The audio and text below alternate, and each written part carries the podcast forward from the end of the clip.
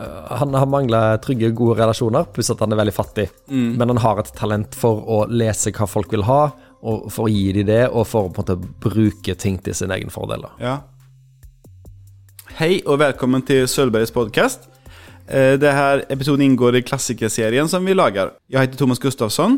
og Jeg sitter her med Åsmund Ådnøy. og i så skal vi snakke om eh, The Talent Mr. Ripley av eh, Patricia Highsmith. Och så er det sånn, de turas jo om eh, med de her episodene episoderna med at vi leser cirka halvparten av bøkene var. Og den som ikke har lest boken eh, stiller spörsmålen.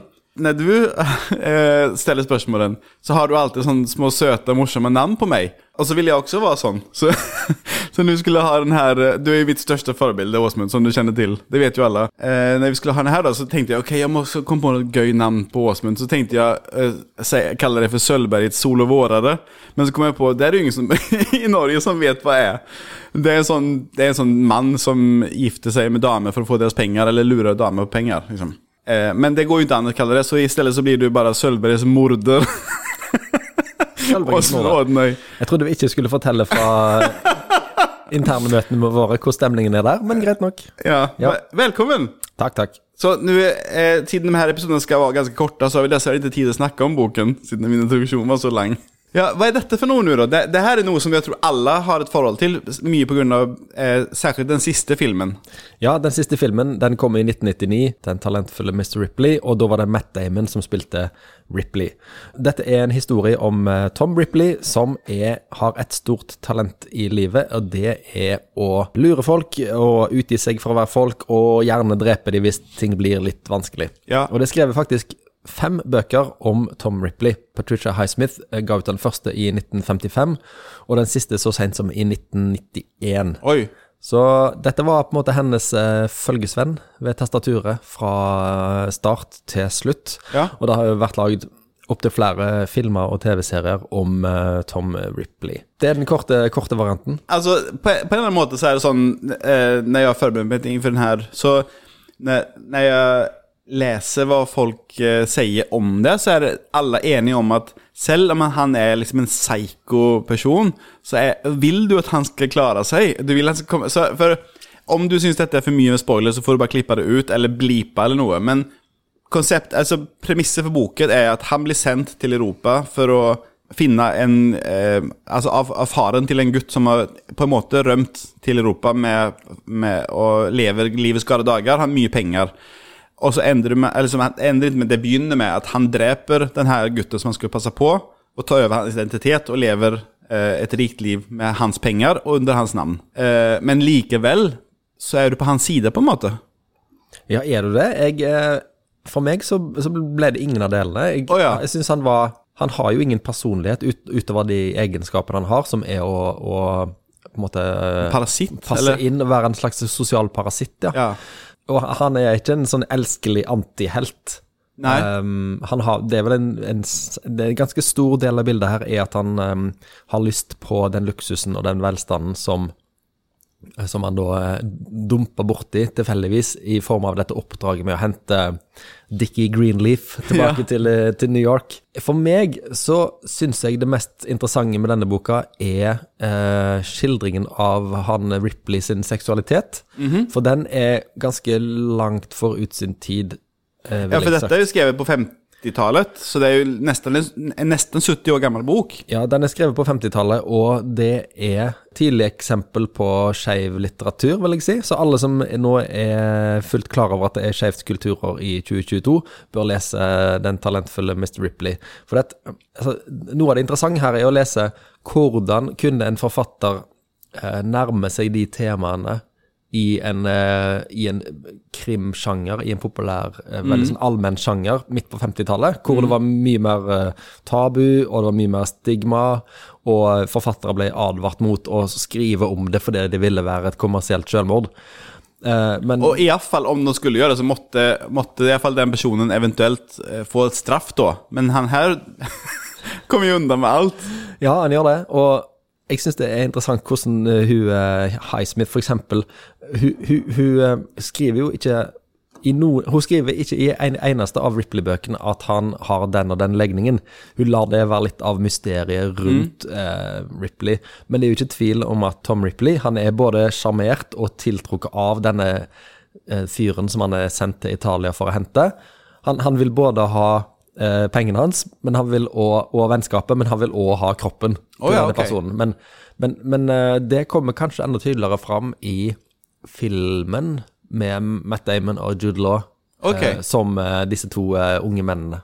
Men, men eh, sånn som jeg har, altså, Nå har jo ikke jeg lest den så det føles urettferdig for meg å ha tolkning Men det verker som at han, han dreper ju folk Men han dreper ju, han är inte lystmordare på en måte. Han dreper dem om han må. Men det verkar också som att, att han har inte så många egna egenskaper förutom de han tränger Så det är inte så att han bara kan vara homofil om det nyttar honom Nei, han har et veldig eh, delt forhold til det å være eh, homofil. Eller, For han i, på, I boka så er det ganske tidlig at han havner på en bar et sted, og så ser han en fyr som, som eh, på en måte kikker på han på en litt rar måte, og så i den engelske utgaven så, så tenker Tom Ripley Oh, I hope he's not a pervert.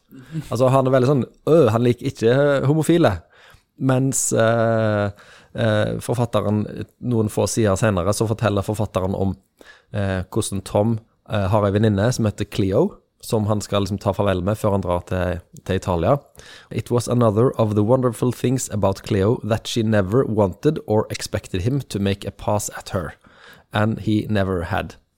Han, hun gjør veldig sånn eh, klart for oss at eh, de er venner, og det er overhodet ingenting kroppslig Nei. involvert. Stemmer. Eh, og, og senere så blir jo eh, Tom kjempestressa når Dickie, altså denne personen som han er sendt for å hente i Italia, åpenbart merker at, at disse tilnærmelsene, samme hvor klønete de er På et tidspunkt i, i Italia så har, eh, så har Tom tatt på seg klærne, faktisk, til denne Dickie som han holder på å skal få tilbake til USA, liksom. Og det framprovoserer en, en samtale hvor, hvor de, begynner å snakke om Tom er, er homofil, og han blir helt stressa og sier nei, det er han iallfall ikke. Men samtidig så er han supersjalu på eh, Dickie, som har et forhold til eh, ei dame som han bor med, som, oh, ja. hvor, hvor, hvor Tom er liksom sur på at oi, de er kanskje, kanskje mer enn bare venner. det, det verkar som han har et litt uh, umodent forhold til uh, det å ha folk. Altså sånn, Er han ikke følelsesmessig i stand til å ha nære forhold kanskje? Nei, det blir så vidt nevnt i begynnelsen at han har to foreldre som er døde, og så har han bodd, vokst opp hos ei tante som var ganske kjip, og så har han flytta til New York og har en jobb hvor han eh, akkurat lever over eh, fattigdomsgrensa. Ja. Sånn at eh, han har mangla trygge, gode relasjoner, pluss at han er veldig fattig. Men han har et talent for å lese hva folk vil ha, og for å gi dem det, og for å på en måte bruke ting til sin egen fordel. Ja. Jeg leste om en som skrev om boken, det, det som hun tenkte veldig mye på i efterhand, ett, så mange år etter, når jeg leste boken var at han, han har et sånt første litt rart møte med han Greenleaf på stranden, der han kommer uforberedt og eh, ehm, bara i en sånn liten badebukse, og helt krithvit på kroppen, sammenlignet med alle, han sammenligner med de her italienske strö- og Greenleaf selv, alle sammen er bruna. Så spiser han noe som han blir syk av, og ligger på hotell... uh, han klarer ikke å gå ut, han er så syk han ikke klarer ikke å gå ut av hotellrommet. Men likevel så, så kravler han på golvet i, i balkongdøråpningen. Så kravler han etter som solen flytter seg, for å få litt farge på kroppen. Og så eh, reflekterer hun liksom om det var liksom forfengelighet, eller for å gi inntrykk av at han hadde vært ute i solen og kost seg. Men, Liksom, at det, men at uansett hvilken grunn det var, eh, så sier det så mye om Ripley som person, da. Hvilken ekstrem selvkontroll han har, og at han er villig til å gjøre hva som helst for å nå sitt mål, liksom.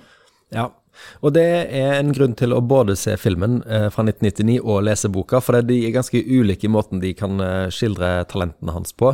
Til å eh, måte, Han blir jo en sånn blodigle på dette paret i Italia. sant? Han, han klemmer seg fast. Hva syns du om det, da?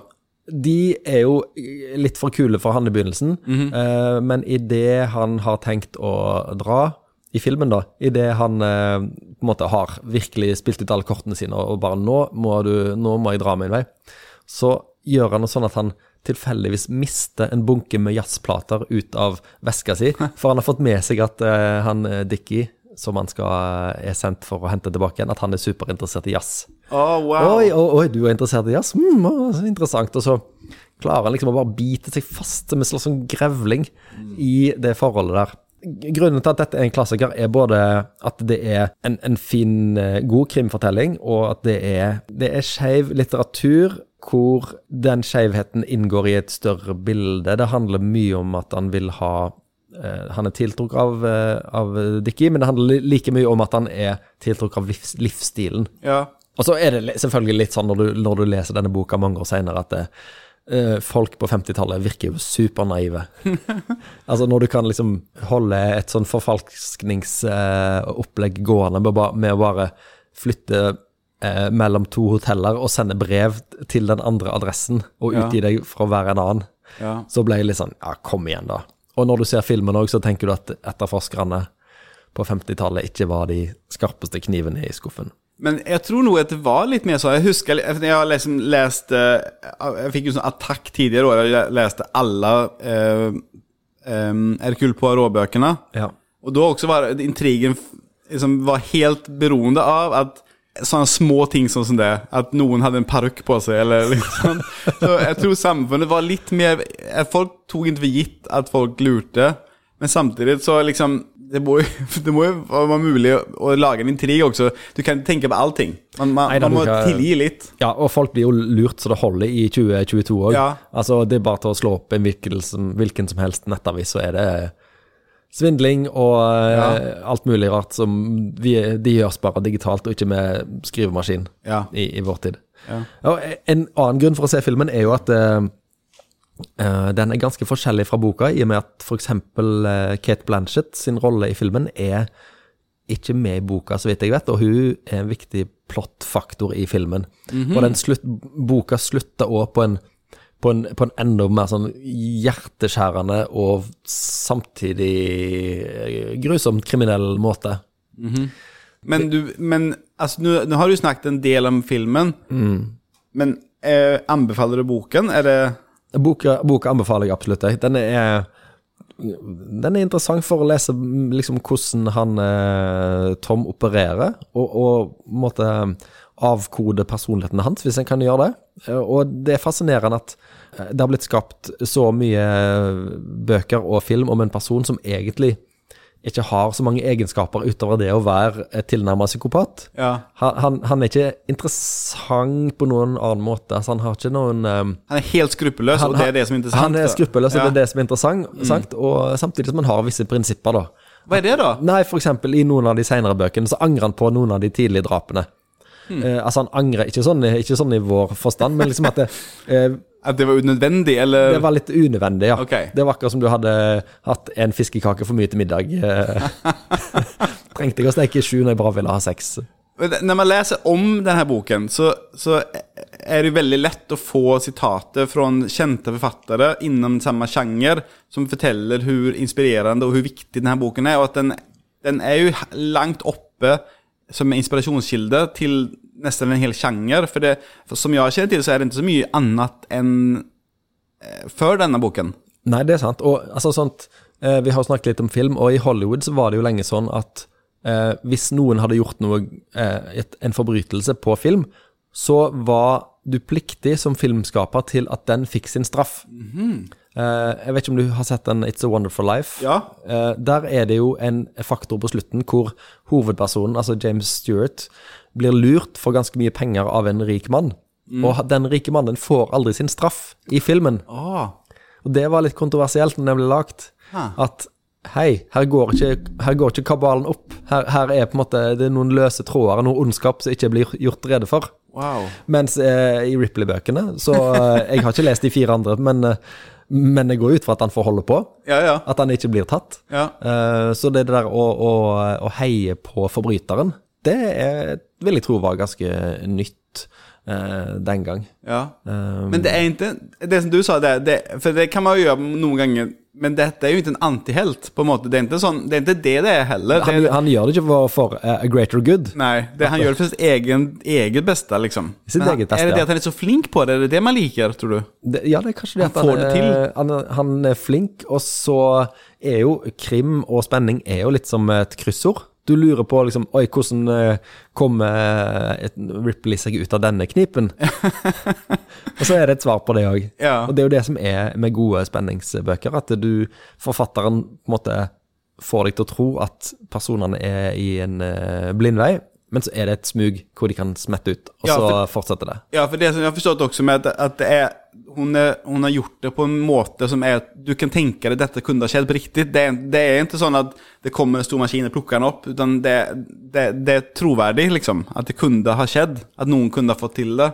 Ja, jeg håper jo at, eh, at politiet, i, særlig i Italia, er, er bedre enn det framstilles i denne boka. Men ja, det kan godt være. Ja. Så, så, er, det, så er det veldig bra det der med at, eh, med at han ikke har eh, noen skrupler. Altså mm. eh, det- Highsmith har, nesten, har jo sagt sjøl at den talentfulle Mr. Ripley var en bok som omtrent skrev seg sjøl. Nesten som om det var Tom sjøl som satt Ah. ved tastaturet og skrev Ah. eh, denne historien der. Det syns jeg var en eh, fin måte å si det på. Ja. Uh, hun, ha, hun hadde jo eh, litt av en start på karrieren med først uh, 'Strangers on a Train' i 1950, Ja. som ganske raskt etterpå ble film av Hitchcock. Og så kom en bok som heter 'The Price of Salt' i 1952, eh, om et lesbisk forhold, som hun skrev under pseudonym for ikke å begå kommersielt selvmord. Ja. Og så eh, kom denne i 1955, og Men Strange on the Plane er jo også en sånn det føles nesten som en eh, Agatha Christie-intrig. Det er en sånn fantastisk, eh, fantastisk idé om at to fremlinger møtes på et, på et eh, tog, og så begge to har en person i sitt liv de har lyst til å bli av med. Og så bestemmer de seg for å fikse det problemet for hverandre, da. ja. Det, det tror jeg er eh, en genial idé, så hun har jo liksom, Hun har jo en god start. og så, Veldig god start. Ja. Det, det er jo sånn som ikke skjer lenger når alle sitter med smarttelefon på toget. det er helt sant. Før Ja. så kunne det komme snakk om hva som helst, f.eks. hvem har du lyst til å drepe i livet ditt? Jeg tenker at, det, att det her man, eh, man kan både se filmen og lese boken, fordi at det er to såpass forskjellige historier. Eh, og så eh, vil jeg takke for denne sesongen, for nå er, er, vi, nu är vi faktiskt inne på siste episoden. Eh, og så kommer vi tilbake før sommeren i 2022. Ok? Sant, Ja, Åsmund? ja, ok, greit. Och då blir det eh, nye Da blir det ti nye episoder og da, da, da vi- då ska vi eh, rense opp i noen av de, våra mm, eh, eh, unnlatelsessynder som vi har gjort. Ja, da skal vi bli eh, globale, kan vi Ja. si det sånn. Da skal vi ikke bare eh, ha på oss eh, Europeiske den og amerikanske. europeiske amerikanske hatten, men Ja. eh, vi skal ta hele verden i vår favn. Ja. Og vi vil gjerne ha tips om ni, eh, om ni sitter inne med informasjon om bra klassikere fra alle plasser platser i verden utom Europa og USA. Så vil vi gjerne eh, och Kanada. Kanada teller ikke heller. Ikke Australia heller. Ikke Australien, nei. Eh, så vil vi veldig gjerne ha, ha tips om det. Eh, sant? Podkast at solvberget.no. Tusen takk for selskapet, Åsmund. I like måte. Ha det. Ha det.